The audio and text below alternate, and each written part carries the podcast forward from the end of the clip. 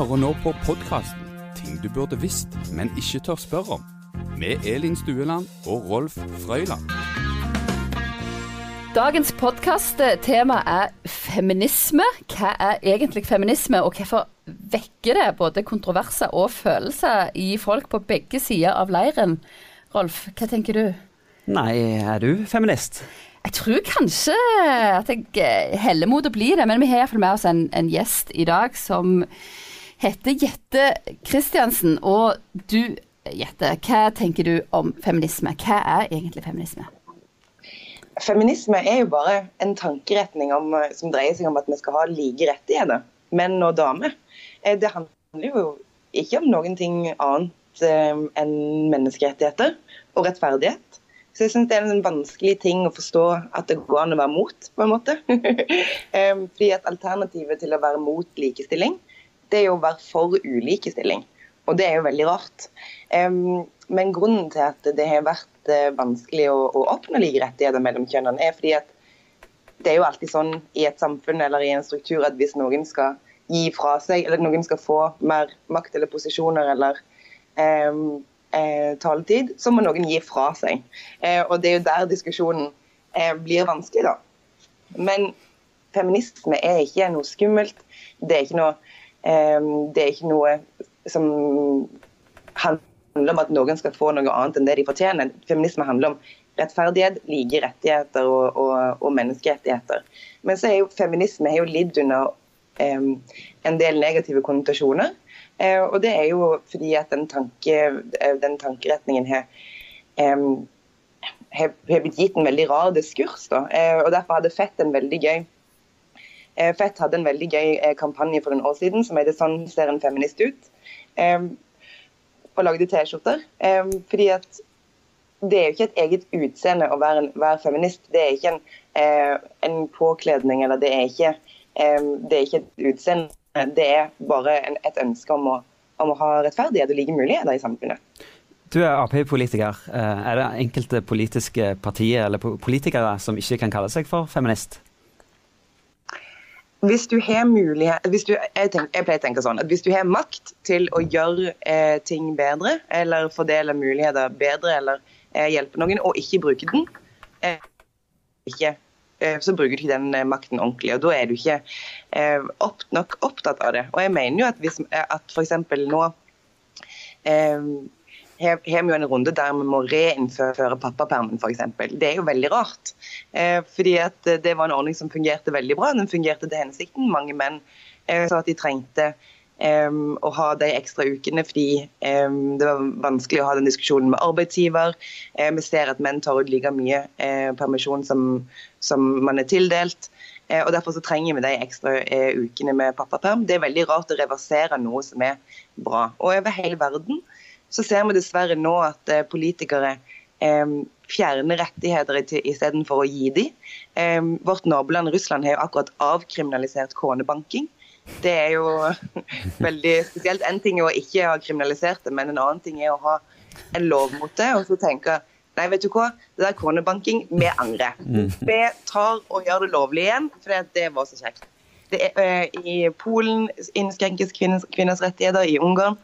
Uh, og det her er jo land som er um, som er europeiske land som går bra, og man er jo vant til å tenke at ting alltid går framover, men dessverre så gjør det ikke.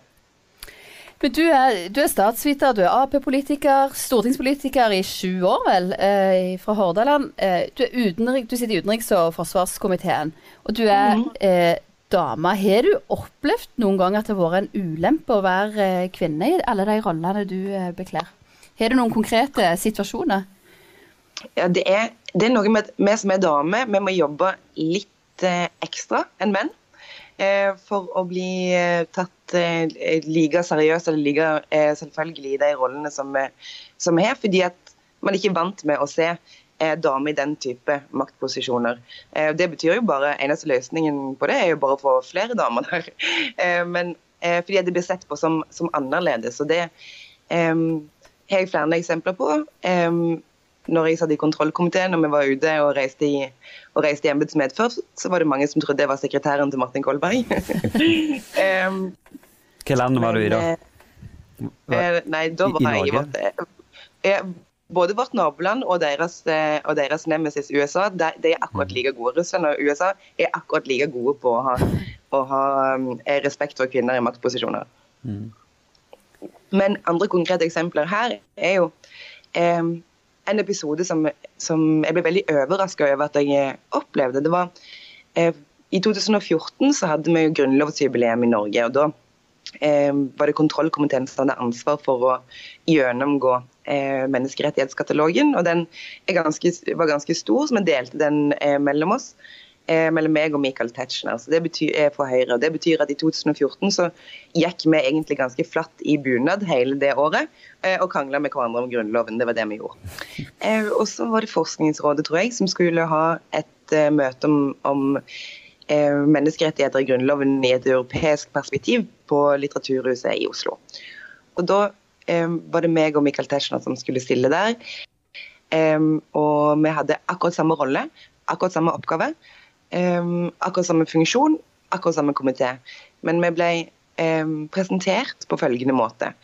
Ja, velkommen, Michael Tetzschner, eh, tidligere byrådsleder fra eh, Høyre, jurist, medlem av kontroll- og konstitusjonskomiteen og eh, saksordfører for menneskerettighetskatalogen i Grunnloven.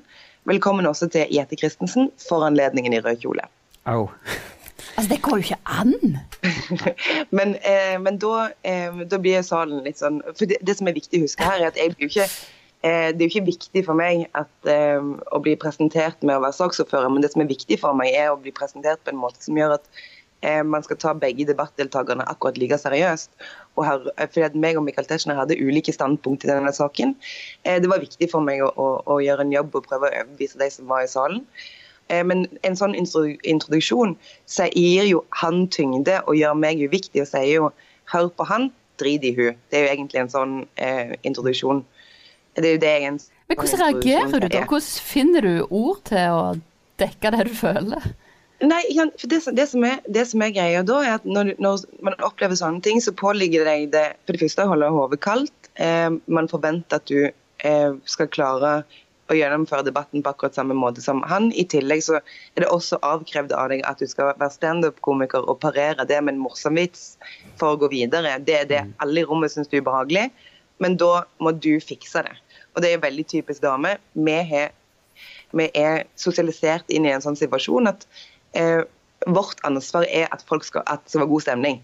Det er vårt ansvar. Det er, eh, helt ifra vi var små, så er det litt sånn ja, Så lenge det er en god stemning her i dette familieselskapet, eller så lenge det er en god stemning her på denne jobben, så er det fint. Eh, men det er veldig rart at eh, når det er du som blir utsatt for noe som er feil, så er det også du som har ansvar for å rette det opp igjen. Du hører nå på podkasten 'Ting du burde visst, men ikke tør spørre om'. Men du har vært stortingspolitiker i sju år. Har det vært en endring eh, når det gjelder feminisme i løpet av disse åra? Ja, det har jo skjedd mye. Men jeg syns jo det er både i holdninger i, i, samfunnet Det går jo framover, men det går veldig seint framover. Um, mye senere enn det som er nødvendig, særlig all den tid damer um, tar utdannelse, ønsker å jobbe, og, og, ikke minst Vi er jo like mye verdt. Eh, men, men eh, jeg er jo overraska over at man går tilbake igjen på tiltak som faktisk fungerer. Likestilling eller mangel på likestilling er jo først og fremst noe som skjer oppi hodet til folk. Eh, så det viktigste er jo å jobbe med holdninger og, og, og ikke minst gi hverandre plass og behandle hverandre, og behandle hverandre likt. For det er jo egentlig sånn at Norge, i, Norge så har vi jo formalisert mye på likestilling. Vi har vedtatt mye på likestilling, men til sjuende og sist dreier det om holdninger. Og det tar tid å endre, eh, så da må man bare være eh, utålmodige eh, og avvente det. Men hvorfor er det ikke et hedersord å si at en er feminist? Hvorfor er det noen som er veldig opptatt av å si at de ikke er det, og vil kjempe for like rettigheter, når de, til og med når de selv er kvinner? Det, det kan være litt vanskelig å forstå. Det syns jeg er veldig vanskelig å forstå, men det, men, men det, er jo ikke så rart, siden feminisme har blitt gitt veldig mange negative konnotasjoner gjennom årene. Um, eksempel, det var jo f.eks. aldri BH-bål, f.eks. Et konsept i, i Norge, men, men eh, har, Hvis du gir en person i oppgave om å tegne en feminist, så vet, meg, eh, så vet vi hvordan den eh, personen ville, ville sett ut hvis vi skal lage en eh, karikatur av det. Og det er jo sånne ting at Fenomener i samfunnet blir jo alltid karikert til det negative hvis det er et eller annet man, man syns er skummelt eller ikke vil ha. Men det å være feminist eller det å jobbe for likestilling handler jo bare om å jobbe for like rettigheter. Men så er det jo sånn at noen er anlagt sånn at de kjemper for andres rettigheter, selv om de ikke opplever negative ting sjøl. Altså, på samme måte som vi i nordmenn gir til TV-aksjonen, vi gir i bistand osv. Selv om vi ikke opplever den eh, smerten sjøl. Men um, mens noen eh, forholder seg til problemet på den måten at jeg opplever ikke dette problemet, ergo er det ikke noe problem. Jeg husker for noen år siden på Skavlan så var Selina Middelfart og, og eh, Gro Harlem Brundtland der. Og Da ble de begge to spurt om de var feminister, eller om de hadde opplevd å bli satt eh, til side. Og da, eh, Eller om de var for kvotering, tror jeg det var. Og Da sa Selina Middelfart at det var hun ikke. Hun hadde ikke opplevd eh, å bli eh, satt til side. Hun var ikke for kvotering, hun var ikke for, for å kjempe for, for likestilling, for dette oppfattet ikke hun som et problem. Damene hadde bare skjerpa seg. Og så fikk Gro samme spørsmålet. Og da sa Gro noe veldig lurt. Ikke det overraskende at jeg syns at Gro sa noe lurt. Men, men eh, igjen kommer Gro på banen og sier noe lurt, og hun sa at eh, jeg har aldri opplevd at noen urettmessig har stått i veien for meg. Og når man har møtt Gro, så skjønner man eh, at det er sant. Men når jeg var 14 år, sier Gro, da opplevde jeg eh, Da skjønte jeg at andre damer opplever urettferdighet. At andre damer ikke har like, like rettigheter som menn da ble jeg feminist. Og det, eh, Den historien er litt interessant, fordi at veldig ofte når det kommer en eller annen ny kamp som skal tas, en eller annen ny eh, bøy eh, fram mot et likestilt samfunn, så vil det også være damer som, eh, som snakker imot det. Det var også damer som gikk i demonstrasjonstog mot kvinnelig stemmerett. Eh, så du trenger ikke være feminist bare fordi du er dame.